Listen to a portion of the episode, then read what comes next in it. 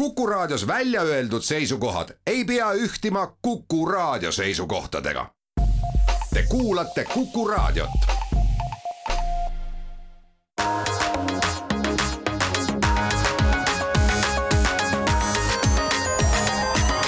digitund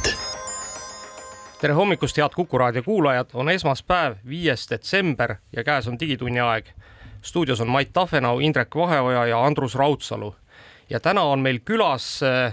selline tähtis inimene nagu Holger Haljand, äh, Telia Eesti juht, tere Holger! tervist! ja palju õnne äh, uue ametikoha puhul.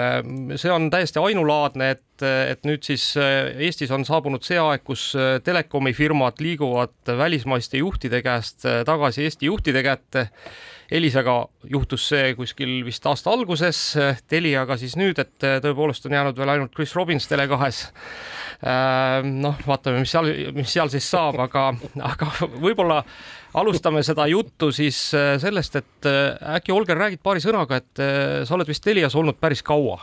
et, et kuidas see sinu teekond siis sealt, ma ei tea, kellena sa alustasid, räägi sellest ka ja siis sinna juht, juhini välja jõud, jõudis. jah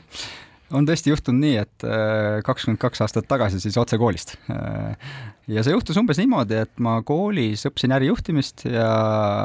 seal hakkasime kõik suure hooga siis ettevõtteid tegema ja äri ajama. ja siis järsku sain aru, et tegelikult sellest nagu koolis õpetatud ärijuhtimisest pole suurt nagu midagi peale hakata. et peab ikkagi kuskile tööle minema. ja, ja tuli ainult valida üks selline korralik suur firma, kus siis saaks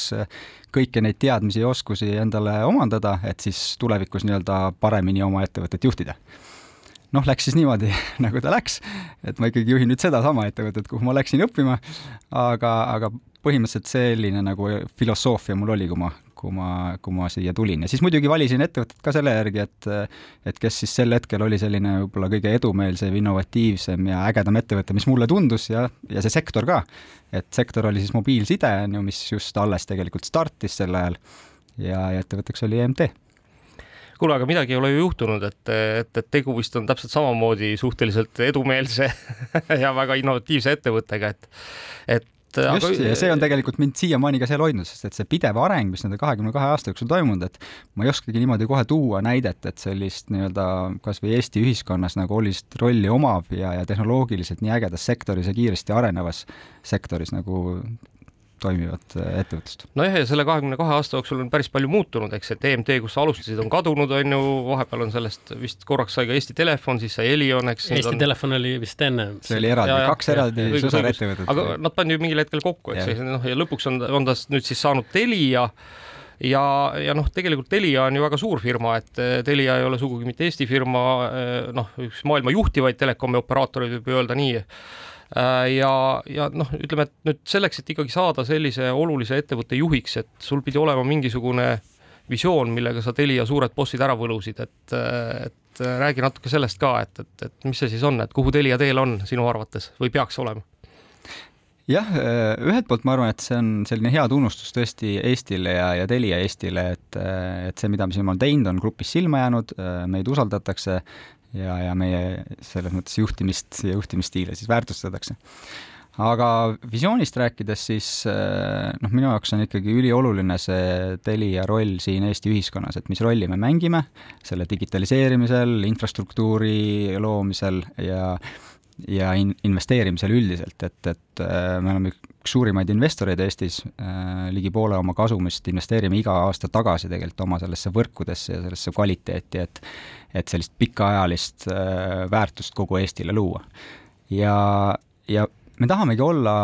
usaldusväärne partner oma nii-öelda äriettevõtetele ja, ja eraklientidele. ja, ja selle nii-öelda alustala ongi see kvaliteet, mida me siis oma nii-öelda võrkudesse, teenustesse ja teenindusse panustame. ja seal me oleme eeskujuks kindlasti kogu Telia Grupile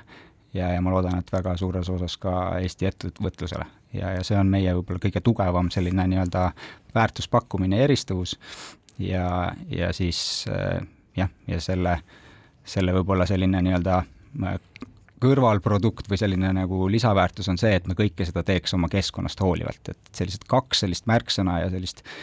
visiooni alustala on kvaliteet ja, ja kõike seda nii-öelda keskkonnast hoolivalt teha, et, et me tahame, et, et meie ettevõte ja, ja meie ühiskond elaks ka pärast meid. See on vist see koht, kus võiks korraks kõigile kuulajatele selgeks teha, et igaüks vist Teliat näeb täiesti nagu erineva ettevõttena, kuna Telia pakub meeletult suurt hulka erinevaid teenuseid, et kui klassikaline operaator äri pakub sulle pehmelt öeldes telefonikõnesid, siis Telial, ma saan aru, on neid suundasid ju tegelikult palju rohkem, et ma ei tea, kas sa suudad teha väikse kokkuvõtte üldse, kus Telia opereerib täna ja kui suure osa see ärimahtudest üldse nagu omab mm? -hmm ütleme sellist kolm kõige suuremat gruppi teenuseid, mida me pakume, on üks loomulikult ühendusteenused, nii siis püsiinterneti kui mobiilside vaates, siis erakliendile TV ja meelelahutusteenused ja ärikliendile siis IT-teenused. Ja noh, lisaks siis kogu see nii-öelda seadmemajanduse värk, aga ütleme kolm sellist suuremat äh, ärivaldkonda. Ja võiks öelda, et nad suurusjärkudes on äh, juba peaaegu et sarnased, loomulikult ühendusteenused on jätkuvalt kõige suurem aga, aga väga tugevalt kasvab meie TV- ja meelelahutusäri ja, ja kõige kiiremini kasvab tegelikult äh, IT-teenuste äri äriklientidele kuule, aga ma tulen veel korra tagasi, ennem kui me hakkame neid ärisuundasid lahkama, et äh, tulen tagasi ühe asja juurde, mida sa mainisid, et, et sa mainisid, et äh, ilmselt on silma jäänud ka juhtimisstiil, et et ütle, et, et mis, kuidas sa täna kirjeldaksid Teliat kui tööandjat või mis see filosoofia on, et millega te inimesi enda juurde meelitate ja millega te neid kinni hoiate? no ma saan aru, ja sind on hoitud kakskümmend kaks aastat, eks no mind ongi, võib-olla ma võiks seda laiendada ka, aga, aga ma arvan, et see nii-öelda miks me siin eksisteerime, on väga suur osa ikkagi sellest, miks paljud tahavad Telias töötada. et see mõju ikkagi, mis me siia nii-öelda Eesti keskkonda loome, et siin oleks parem elada ja töötada, see on nagu päris, et, et kui ma mainisin ka, et me oleme selle digiühiskonna üks vundamente, siis see, need on nagu päris asjad, et me olime koos pankadega ju selle nii-öelda e-identiteedi loomise alguses, me oleme toonud siin neid tiigrihüppeid, kuidas me harime kuidas me digitaalselt kaasame ja nüüd tegelikult äh, veel olulisem see, et me oleme sellise digitaalse hüppe nagu suuresti teinud, kuidas me nüüd oma inimesi seal hoiame ja, ja ennetame neid probleeme, mis seal on tekkinud, kuidas me küberturvalisusega tegeleme, et selline vastutus ja roll äh, Eesti ühiskonna mõistes on minu jaoks vähemalt kõige suurem driver, miks selle ettevõttega koos öö, äh, oma elu jagada nii-öelda. aga teiselt poolt ma arvan, nagu juhtimiskultuuri ka, et, et me oleme juba mm, noh, võiks öelda, et ikkagi peaaegu juba mitukümmend aastat eh, seadnud juhtimiskultuuri üheks olulisemaks alustalaks, kuidas me nii-öelda oma töötajaid hoiame ja kuidas me opereerime ja süstemaatiliselt eh, koolitame ja panustame sinna, et meie juhid eh, oleks parimad juhid. Ja, ja ma arvan, seda ka väärtustatakse. Mul endal muidugi töökogemus teistes ettevõtetes puudub, aga olen kuulnud, et need, kes siis on liikunud erinevate ettevõtete vahel ka on väga hindavad, kõrgelt hinnanud seda ja esile toonud äh,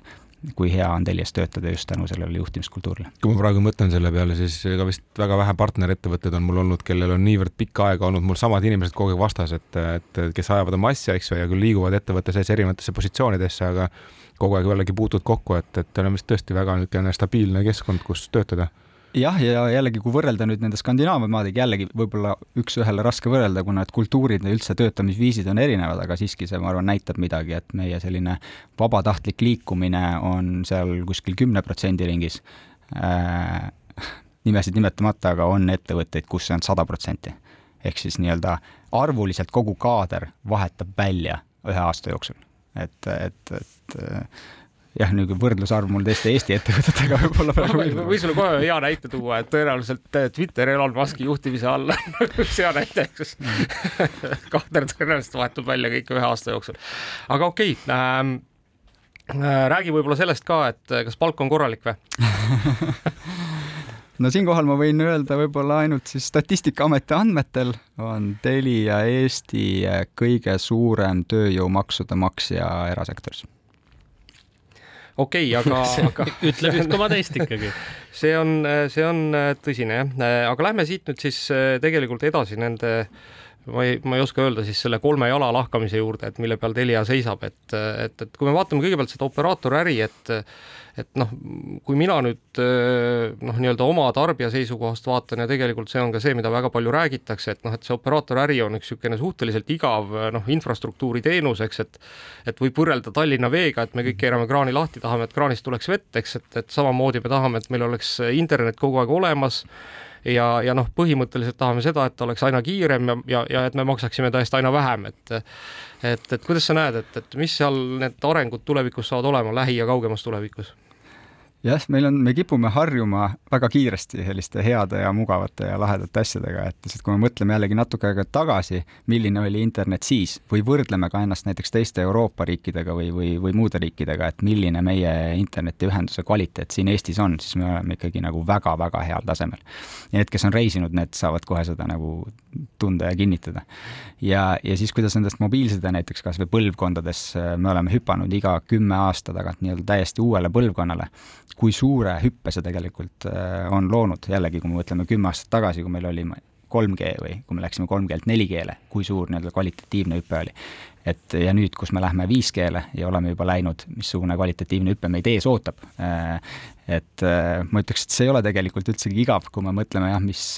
mis võimalusi nüüd kas või 5G hakkab pakkuma, kus me saame aina rohkem ja rohkem seadmeid omavahel ühendada ja, ja, ja automatiseerida noh, ma isegi tegelikult üllatusin, et kui lihtsalt nagu vaadata, et äh, ma ei tea, kui palju teist on vaadanud, Mait ilmselt on vaadanud, et äh, palju sul ruuteris ühendatud seadmeid on. ma nagu ei tulnud selle pealegi, ükspäev lihtsalt vaatasin sisse, mul on korraga kolmkümmend seadet seal. siis ma hakkasin mõtlema, mis asjad need on sellised. mul ei ole kolmekümmet laptopi või mingit asja seal kodus. aga tuleb välja, et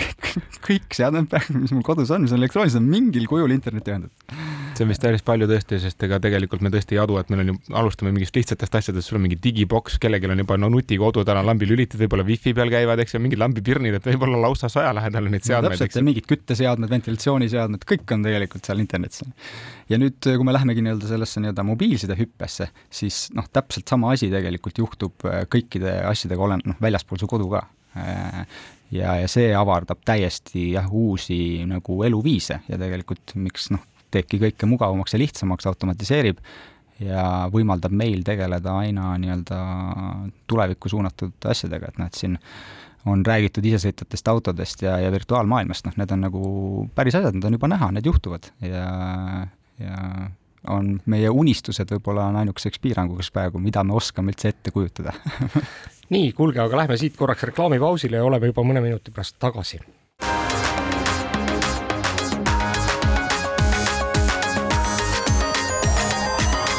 digitund.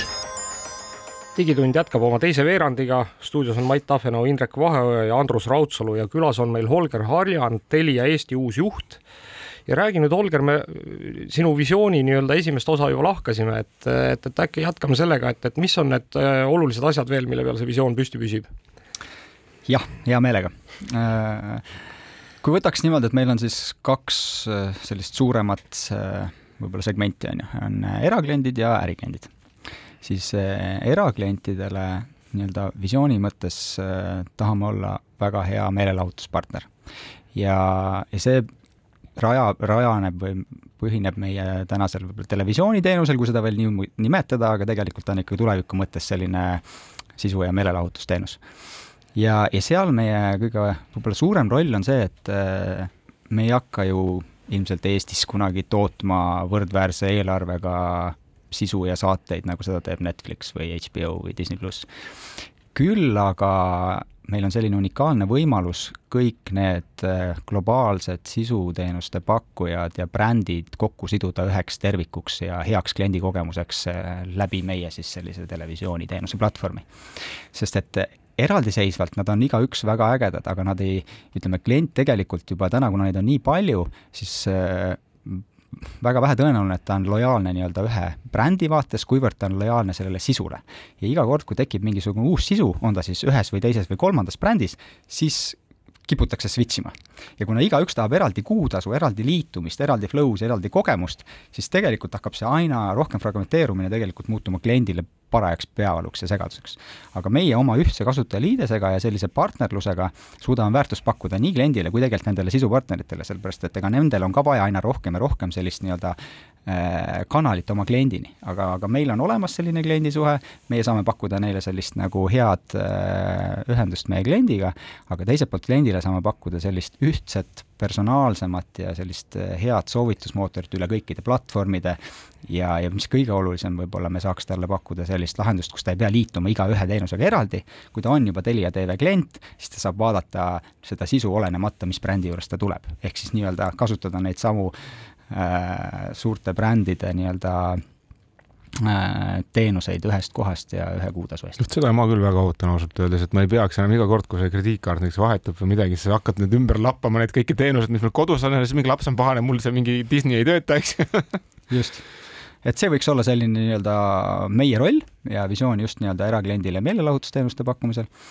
ja kui äriklienti äh, vaadata, siis äh, seal meie kõige olulisem roll täna ja tulevikus, just tänasest edasi, ütleme niimoodi, on küberturvalisusega seotud. et äh, me oleme väga hea vundamendi loonud oma ühendusteenustega, mis ongi siis nii-öelda baasinfrastruktuur, me oleme väga hea partner juba IT-teenuste vaates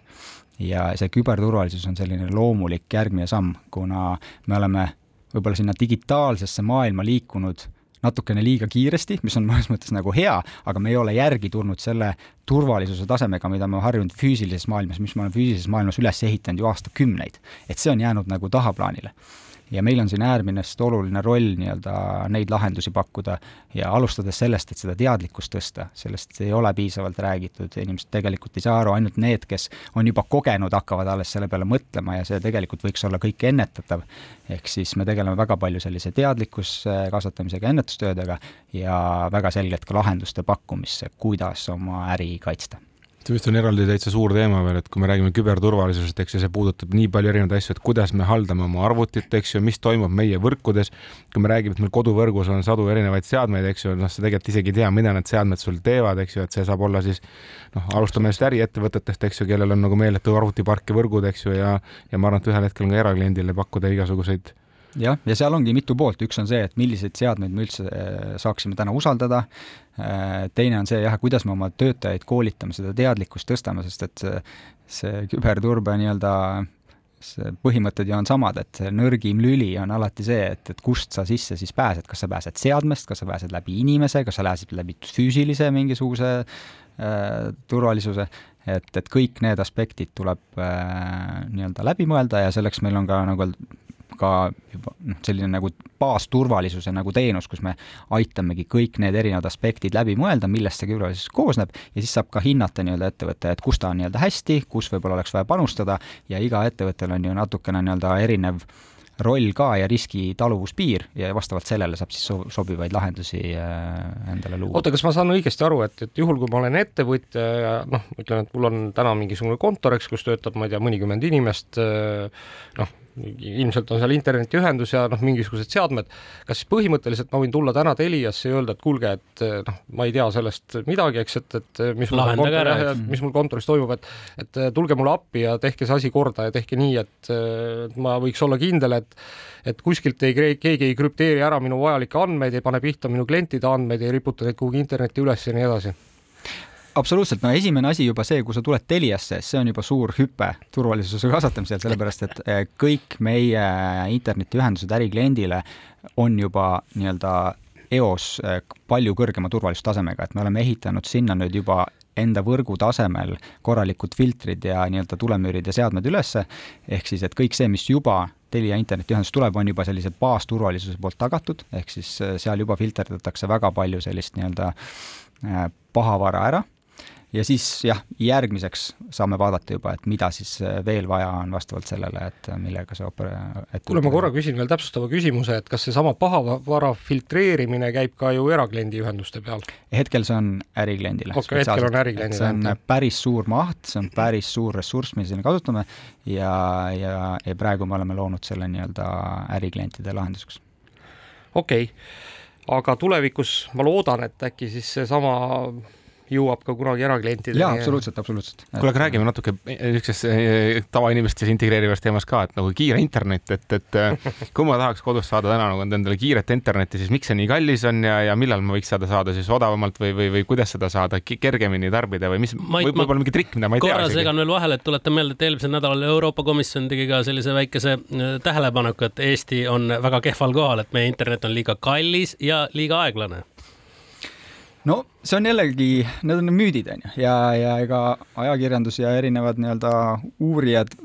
võivad kõiki asju vaadata väga erinevate aspektide alt, et kui me vaatame, mida me täna teeme, et esiteks siis, et mis meil seis nii-öelda selle kiire internetiga on, siis äh, me oleme ise reaalselt välja ehitanud äh, nelisada tuhat aadressi äh, optilisel ühendusel, millel on gigabitine kiirus võimalik.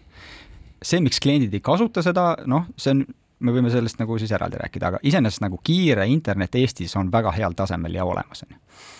Äh, täna meil on, äh, ütleme, kogu kliendibaasist kaheksakümmend viis protsenti on, neil on võimalik võtta saga, sada megabitti ja suurem ühenduskiirus. Äh, ja noh, sada megabitti me võime rääkida, et tegelikult täna võiks olla selline kiire interneti nagu hea tase, et, et väga palju sellest on noh, väga vähesed ettevõtted või inimesed vajaksid suuremat kiirust, on ju. Ja see maksab meil kakskümmend seitse eurot, et et mõeldes selle peale, mida nagu kahekümne seitsme euro eest saab ja kui palju näiteks Telia investeerib iga aasta nende võrkude ehitamisse, arendamisse ja kvaliteedi hoidmisse, et noh, suurusjärkudes me investeerime viiskümmend miljonit iga aasta üldse nii-öelda Telia teenustesse ja sellest suurusjärk pool läheb ühendustesse ja infrastruktuuri ja võrkudesse, et seda kvaliteeti hoida, neid aadresse juurde teha, seda optikat vedada, kaevata, ehitada, see on tohutult kallis. ja siis sa saad selle kahekümne seitsme euro eest ja siis keegi ütleb, et see on liiga palju, noh et see oleneb kõik, kuidas sa seda nagu hindad, millega sa siis võrdled, et mina ei oska küll selle kohta nagu kallist täna öelda.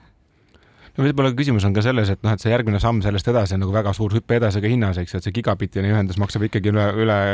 jah, ja no seal on rohkem, ka reaalsed põhjused, et, et kui me räägime nüüd selle nagu ressursi jagamisest ja opt-, optimaalsest jagamisest, siis see, et me paneme nii-öelda giga alla tegelikult kümne, saja megase ühenduse nagu kliendi nagu ressursi kinni ja kui me näeme, et tegelikult need, kellel ka giga on, need ei kasuta seda giga, ja tegelikult neid on väga vähe, kes seda võtavad, et siis on küsimus jah, et, et kuidas me seda peaks hinnastama, et, et kui see läheks massidesse ja see vajadus tekiks, siis loomulikult see hind ka kukuks. aga täna on see russ, see ressurss ka meile kallis, sellepärast et me parema meelega ja ma arvan, et äh, inimestele ka on kasulikum, kui me müüme kümme saja megast ühendust, kui selle ühe gigase, on ju aga täna, kui sa võtad ühe gigase hinna, siis ta on ikkagi neli korda odavam nii-öelda megabitti võrdluses saja gigasest, et, et eh, jah, ikkagi suuremad kiirused on odavamad äh, per megabitt. aga, aga seda jah, vajadust peab ikkagi nagu juhtima ja optimaalselt neid lahendusi tegema, sest et me ei taha ju ka üle investeerida, et see investeeringute juhtimine peab ka olema tark, et sellega võimalikult palju väärtust võimalikult paljudele inimestele luua aga ütle, Olger, seda, et, et noh, kui ma nüüd äh, tõepoolest, ma saan ka aru, et mul ei ole vaja kiiremat ühendust kui sada megabitti, aga mingil hetkel ma tean, et mul on noh, ma ei tea, kas vaja vahetada mingit suurt faili kellegagi või mis iganes, eks, et tõmmata midagi alla, on ju, internetist mis on väga massiivne, no minu pärast näiteks minu fotoarhiiv on ju Google'ist tagasi tõmmata iseenda juurde, on ju. et, et, et kas on noh, ütleme, et kas, kas, kas see võimalus tegelikult on, et saab nagu lühiajaliselt ka nagu kuidagi oma ühenduse kiirust tõsta, sellepärast et noh, ma saan aru, et, et on ebaoptimaalne, eks kõigile pakkuda jämedat toru, kui selle toru põhjas vuliseb ainult väike nireke, eks, aga, aga nüüd, kui nagu korraks tahaks lasta läbi nagu suure koguse andmeid. absoluutselt, no üle poolte meie klientidest on täna juba optilise ühenduse peal ja neil on kõigil võimalik päevapõhiselt kasutada näiteks saja megast ja siis üks päev ühe gigast, järgmine päev jälle saja megast, vastavalt sellele, kuidas neil vaja on ja hinnastamine toimub päevapõhiselt. Okei okay,, nii et ma tegelikult, kui mul täna õhtul on vaja, ega enamasti inimestel ei olegi kogu aeg seda vaja, aga ma kujutan ette, et siis mängufännil tuleb uus mäng Steamist välja, ma saan aru, et mängud on väga rasked, eks ju, võivad minna mitmed-kümned gigabaidid ja sa tõesti ei jaksa oodata, kuni see seal tiksub alla lähen teleka juurde, võtan puldi kätte, valin sealt gigabitti ja järgmine hetk, kui mul on see mäng käes, võin alla saja peale tagasi minna ja jah, ja maksad selle ainult päeva eest, mis siis suurendab su kuuarvet võib-olla mõne euro no,. see on küll päris hea. see on praegu, praegu said kasutajad äh, digitunnist väga hea nipi, nii et minge proovige minge proovige järgi jah, aga äh, üks, üks teema, mida ma tahaks veel tõstatada, et äh, on see roheline digitaalsus ja, ja, ja meie digitaalne jalajälg, et, et, et tegelikult Telia on olnud ka selle eestkõneleja, et et, et äkki sa räägid sellest ka natuke lähemalt, et, et, et kuidas siis me ikkagi seda digiprügi väldime ja, ja, ja hoiame siis kõik optimaalsena just noh, ma arvan, et ka see tegelikult, et, et sul ei ole liiga laiu torusid, on ju üks sellest optimeerimise kohast, eks, et, et, et nüüd me ei raiskaks planeedi ressursse.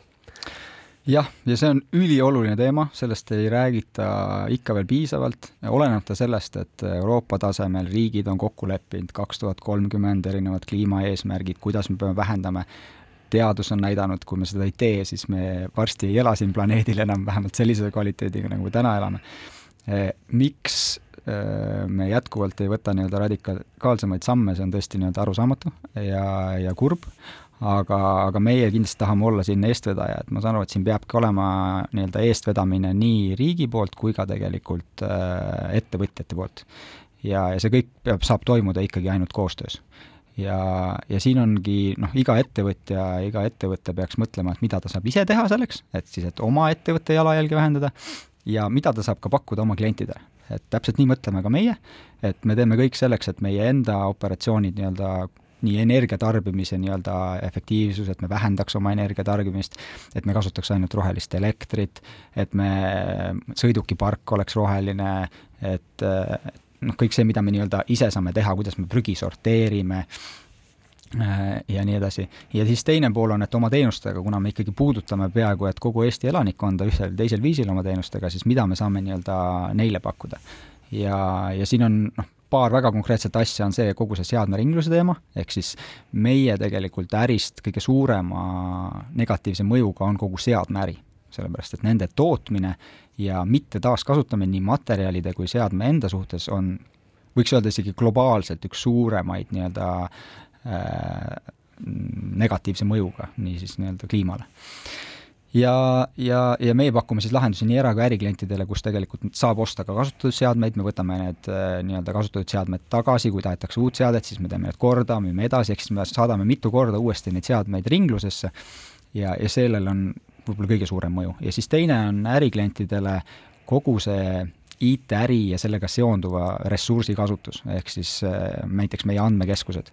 et ja selle noh, nii-öelda teenuse pakkumine nende andmekeskuste pealt äh, noh, suurele hulgale klientidele, et kui me võtame näiteks lihtsalt, et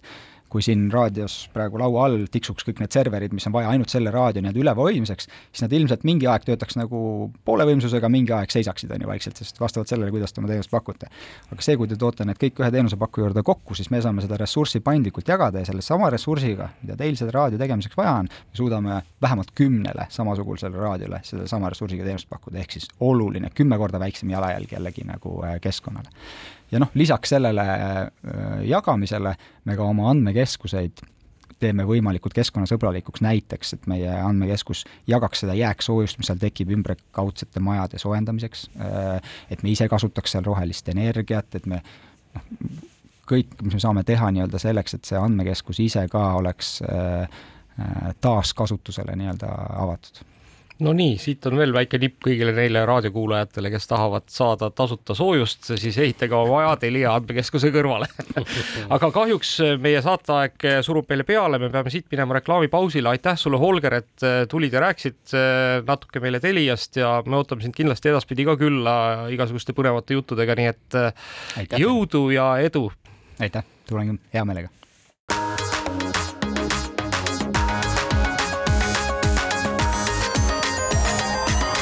digitund. digitunni teine poolaeg äh, alustab nüüd. stuudios on Mait Tafenau, Indrek Vaheoja ja Andrus Raudsalu.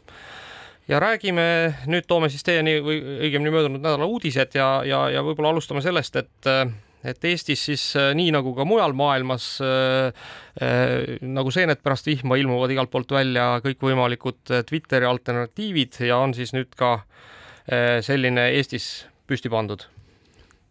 et äh, tegu on siis äh, Tartu Ülikooli, ma saan aru, ettevõtmisega. est.social on siis selle noh, nii-öelda Mastodoni protokollil põhineva võrgustiku aadress, nii et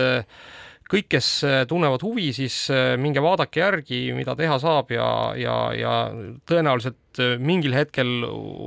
püüame siia oma stuudiosse kutsuda ka mõne siis eestvedaja, kes võiks meile rääkida, et, et, et kuidas siis seal uues sotsvõrgustikus elu käib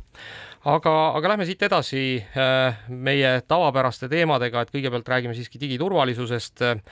Äh, uudis siis kõigile neile inimestele, kes kasutavad äh, LastPassi äh,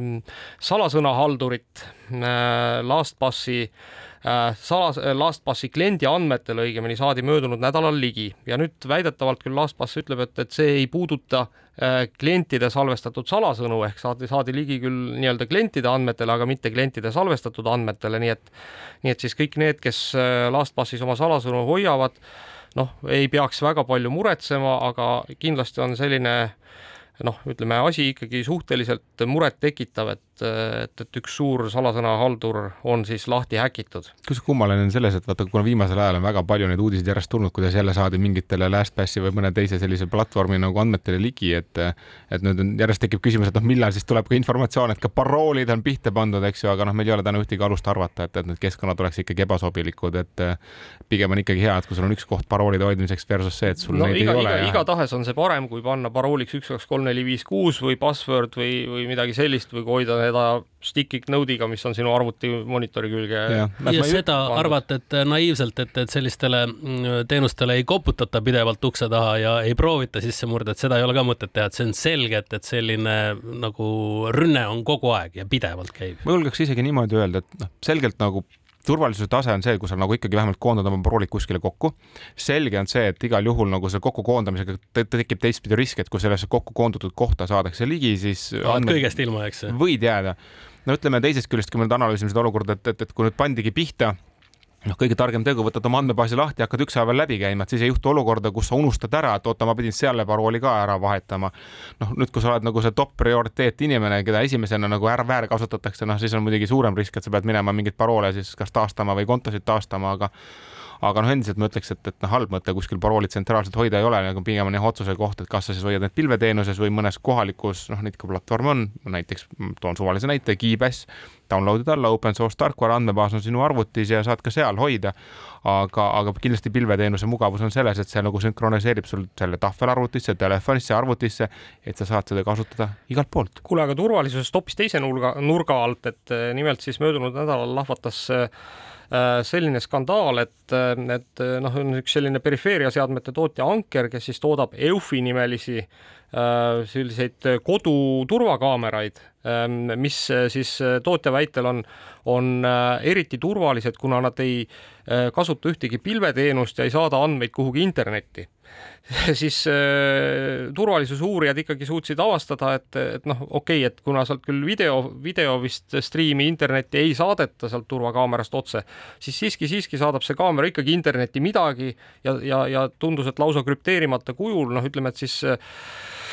tootja väitel oli tõepoolest tegu siis väikese sellise tehnilise noh, möödalaskmisega, eks, et, et kus siis äh, näiteks selleks, et kui keegi on teie ukse taga ja siis äh, kella helistab, et noh, et siis saadetakse teile nagu sõnum ja siis pannakse sinna juurde pildikene sellest inimesest ja vot need pildikesed siis liikusid, eks siiski krüpteerimata kujul üle avaliku interneti. minu arust see on niisugune koht, et vot see on nagu see nutikelladega eelmine kord rääkisime, et noh, mida me tegelikult sellelt seadmelt ootame. et kui me räägime, et nagu me tahame saada mingit kaamerat, me tahame sellele noh, mugavalt kodus ülesse panna, me tahame sellele üle interneti ligi saada, et kuidas see siis võimalikuks saab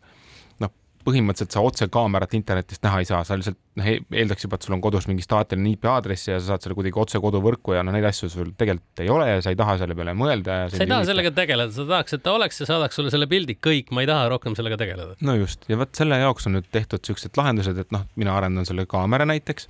ma panen talle külge mingi siukse vaheteenuse, mis siis elab kuskil, kas siis pilves, minu enda serveris, kus iganes. ja, ja, ja sulle, müües selle kaamera, annan ligipääsu ka sellele teenusele või noh, mitte ainult kaameraga, kliimaseadmed, kõik muud nutiseadmed, mis üle wifi tihtipeale töötavad, käivad siis mingi vahendaja serveri kaudu. ja nüüd öelda, et millisel hetkel nagu, mis andmed sinna tohivad jõuda, mis ei tohi jõuda, noh, see on natukene niisugune hägune, et, et noh, tuleb selle mugavuse hinnast. et, et noh, loomulikult on võimalik toota kaameraid, mis on kõik offline'is, aga noh, probleem on selles, et keegi neid ei osta ja teisest küljest, kui sa ostad kaamera ja siis on oi-oi-oi, et nüüd keegi kuskilt pilvest saab ka kogemata nendele asjadele ligi, noh, selge on see, et noh, kõike ära turvata üritatakse aga kui hästi või halvasti kellelgi see õnnestub ja millele kuskilt keegi ligi saab, äh, see on nagu omaette nagu teema. ja aga... võib-olla ei jäägi lihtsalt mingi linnukene kuskile panemata, täiesti siuke inimliku eksituse teel. aga noh, sealt aga... tulebki see küberturvalisuse ja hügieeni küsimus, et noh, mida sa suudad üldse ise kontrollida ja mida sa tahaksid kontrollida. kusjuures ei suudagi ja, ja siin see, see möödunud nädal tõi tegelikult selles osas ikkagi, kui vähe siis ikkagi on võimalik ju tegelikult tavalisel inimesel kontrollida äh, sellise noh otsuse äh, siis Ameerika Ühendriikidest, kus siis äh, FCC ehk äh, Federal Communications Commission ehk siis nende noh, põhimõtteliselt tehnilise järelevalve amet otsustas keelata, kusjuures seal siis toimus ka mingisugune arutelu või hääletus ja täiesti ühehäälselt siis kõik need juhid seal otsustasid siis keelata mitmete Hiina firmade toodete müügi. Ja muuhulgas siis kuuluvad nende hulka telefonivalmistajad Huawei ja ZTE noh, me mäletame ka Eestis on siin Huawei ümber kõvasti piike murtud ja, ja mis võib-olla ka Eestis väga oluline on, et siis kaameratootjad Dahua ja Hikvision, noh, ma ei tea, kas Dahuaga Eestis on, aga Hikvisioni kaameraid vist kasutatakse turvakaamerate no, päris paljudes kohtades. no vaata, mugav asi, võtad karbist välja, ta töötab ju hästi, eks ju, ja tal ei ole otseselt ju midagi häda, aga, aga probleem on jah selles, et noh, et ikkagi kelle serveri kaudu seda siis mugavusteenust sulle kasutada antakse ja Ameerika ja Hiina ei taha väga hästi omavahel viimasel ajal läbi saada. ega, ega, ega vaata, siin on ka see, et, et, et küsimus on ju selles, et, et kellel on piisavalt jõudu, et siis nagu äh, aru saada sellest, et mis siis seal toimub. Ja noh, ma usun, et Ameerikas ikkagi seda tehnoloogilist teadlikkust ja, ja noh, tõenäoliselt ka keskvalitsuse nagu ressurssi selleks, et et siis äh, välja selgitada, kes on koššer ja kes ei ole, on rohkem kui noh, mõnes väikses riigis, näiteks nagu Eestis, nii et nii et noh, ütleme, et äh, täna jah, see selles valguses äh, ausalt öeldes äh, noh, tundub nagu suhteliselt problemaatiline Hikvisioni kaamerate kasutamine. aga teine inimene jälle mõtleb, et noh, ma ei tea, ma panin endale välja selle kaku kaamera, no las nad siis vaatavad, kuidas see öökull seal maandub. ja jumala eest, kui sa noh, ütleme, et selles mõttes, et kui sa tahad kakku vaadata, siis super luks, eks. ja ega no, kakku ja, ei pea ka laivis ja, vaatama, kakku võib just. ka vaadata niimoodi, et sa lähed siis korjad selle kaamera ülesse, paned sinna juhtme külge, laed selle alla. seda sa ei viitsi, seda on ikka. mis nüüd see nüüd on? Sa oled ikka looduse inimene selles mõttes, selles mõttes ma arvangi, et, et, et noh, et, et kui sa tahad näha, et, et mis tüübid öösel sinu garaaži ees longivad, on ju, siis on täitsa okei okay,, et hiinlased seda vaatavad, on ju, kakku võivad nad vaadata, eks. ma arvan, et problemaatiliseks eh, muutub see siis, et noh, kui sellega turvatakse mingisuguseid noh, ma ei tea, kohti, kus raha on või, või, või kohti no,, kus on andmed. erinevad logistikasõlmed ja kõik muu selline ma arvan, et see probleem on vaata just siis, kui sa paned selle näiteks pehmelt öeldes, mõtled, et sa turvad küll enda garaaži, aga tänu sellele võib-olla siis on võimalik ka kellelgi näotuvastuse abil tuvastada, et oota, Andrus kõnnib selles kohas et noh, selles mõttes nagu seda me tegelikult ju tegelikult ei taha, et, et kakukaamera puhul noh, see, et keegi öökuli nägi, tõesti ükskõik. aga see, et Andrus kõndis nagu minu garaaži eest läbi, see on teadmine et sa arv, ise arvad, et see ei ole teadmine, eks ju, aga tegelikult suures pildis see võib-olla moodustab suure pildi, sest Indreku garaaži ees on ka samasugune kaamera, sealt see no, jaa, noh, kui me nüüd jõuame muidugi selle näotuvastuse algoritmideni ja selleni, et Hiinas on need ikkagi arendatud nagu noh, praktiliselt täiuslikkuseni, et, et kõik inimesed on võimalik ikkagi kogu aeg tuvastada, siis siis see võib-olla muutub tõesti probleemiks, et noh, kui neid kaameraid on nagu lihtsalt liiga palju kuskil avalikkuses, mis kõik kuhugi raporteerivad mingisugusesse tundmatusse serverisse, siis ühel hetkel saab hakata selle pealt ehitama noh, näiteks nagu Eesti inimeste igapäevaste liik-, liikumist mustreid Pro. profiile ja mustreid. ja see ongi see probleem, mille vastu tegelikult ju võideldakse, nii et ühesõnaga kordame veel kord, mõelge hoolega, millist asja, millist mugavust te tegelikult vajate, eks te siis ise otsustate, kas see on piisavalt vajalik. ja võtke endale kurikoer kaamera asemel Läheme siit nüüd reklaamipausile.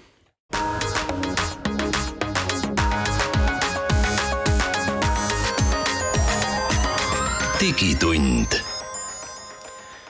digitunni viimane veerand äh, alustab nüüd äh, stuudios jätkuvalt Mait Tafenau, Indrek Vaheoja ja Andrus Raudsalu. ja räägime nüüd mõnedest äh, tehisintellekti uudistest. möödunud nädal siis näitas meile täiesti uudset võimalust, kuidas inimesi saab vanaks ja nooreks muuta ehk eh, Disney on siis eh, välja töötanud eh, närvivõrgustikul põhineva tehnoloogia näitleja, näitleja vanuse muutmiseks digitaalselt ja reaalajas, nii et põhimõtteliselt on siis noh, võimalik panna keegi kaamera ette rääkima ja on siis võimalik teda noh, natuke nooremaks ja vanemaks keerata, noh, me oleme ilmselt näinud kõik noh, selliseid noh, äppe nagu Fatbooth ja noh, kus, mis teeb su paksuks ja, ja mis teeb ka vanaks või, või kasvatab sulle habemeks.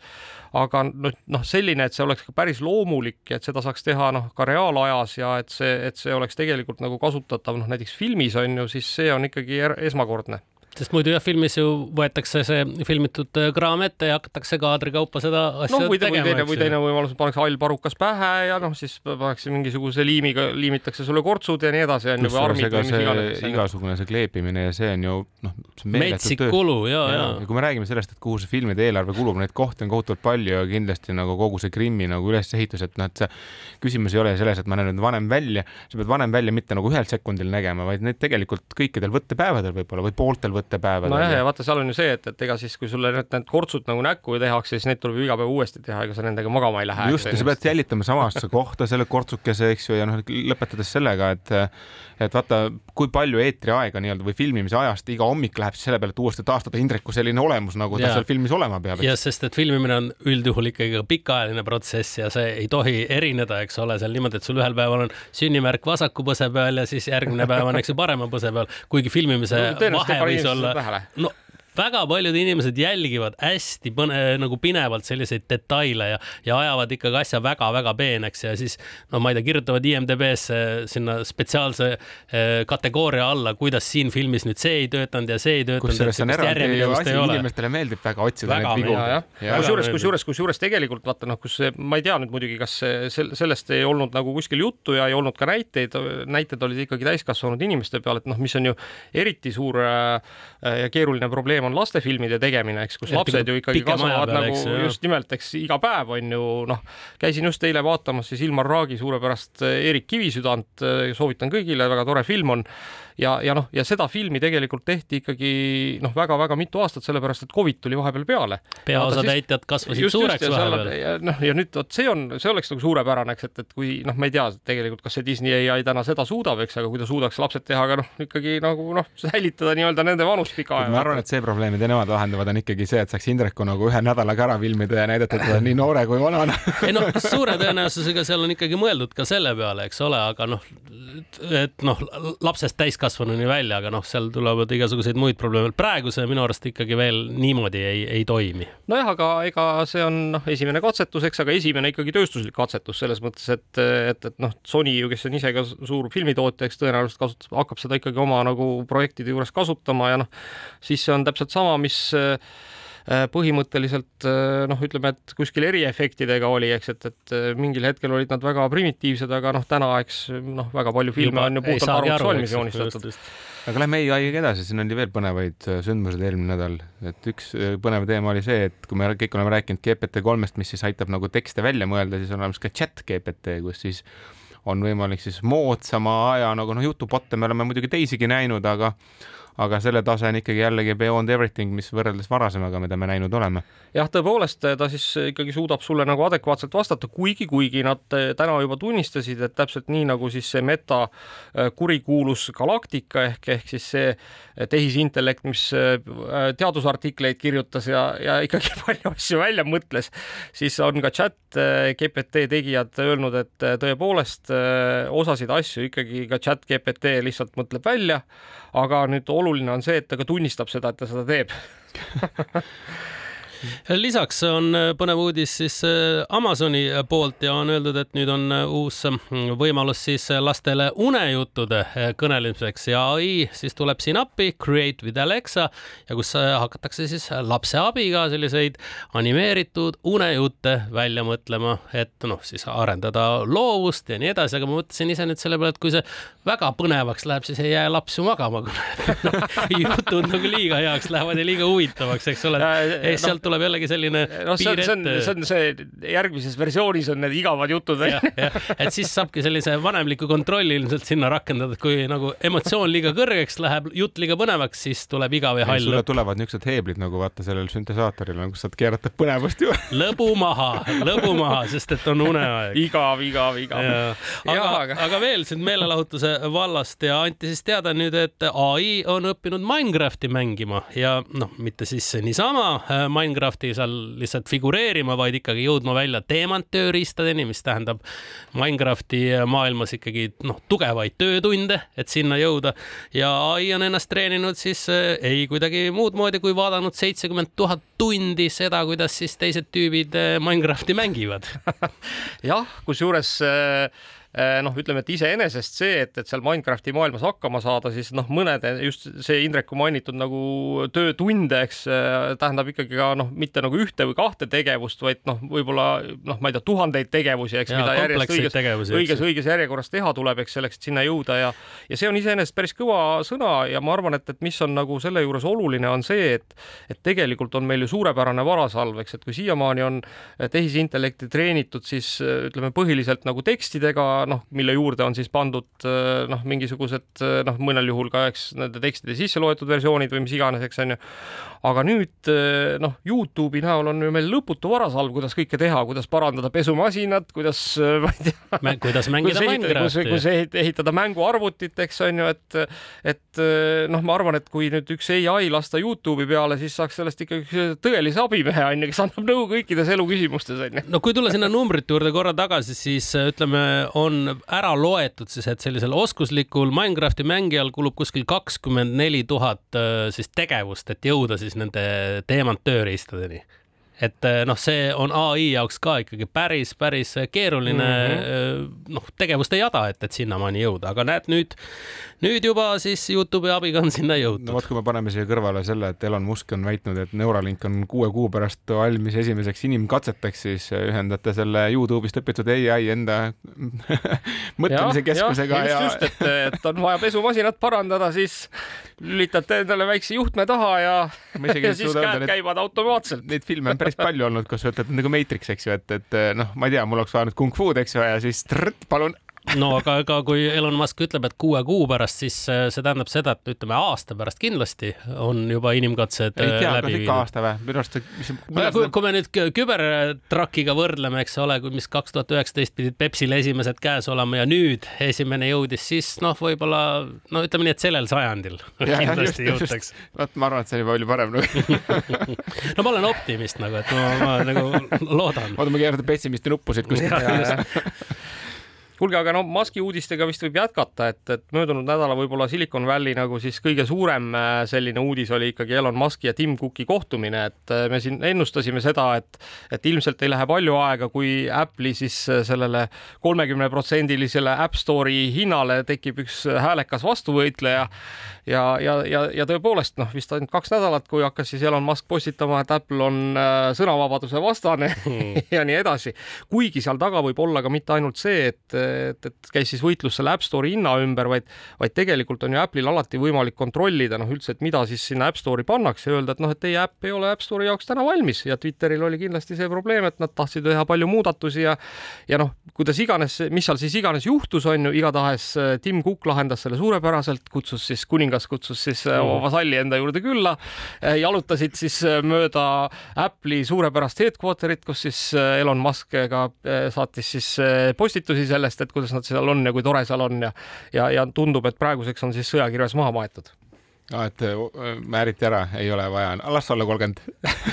no vist jah, ütleme, et see on, ma arvan, et, et see on see koht, kus on nagu Apple'it vist päris raske kuidagi ähm, väärata, et, et, et see kolmkümmend protsenti on ikkagi nagu raudkull ja, ja tegelikult on Apple sellega kohtus ju võidel, võidelnud selle eest ja võitnud, eks, et et, et siin nagu vist on raske kuidagi noh no,, Musk'i käes ei ole tegema. miski võimatu, see mees on raputanud maailma varem ja raputab seda ka edaspidi, nii et, et ei, ma arvan, et tegelikult neid käib, et mina ikkagi usun, et noh, varem või hiljem nagu see peab kukkuma kuhugi poole, et see nii jääda ei saa. tarbijana ma olen sinuga nõus. aga siitkohalt äh, nüüd tänaseks lõpetame, oleme tagasi juba nädala pärast.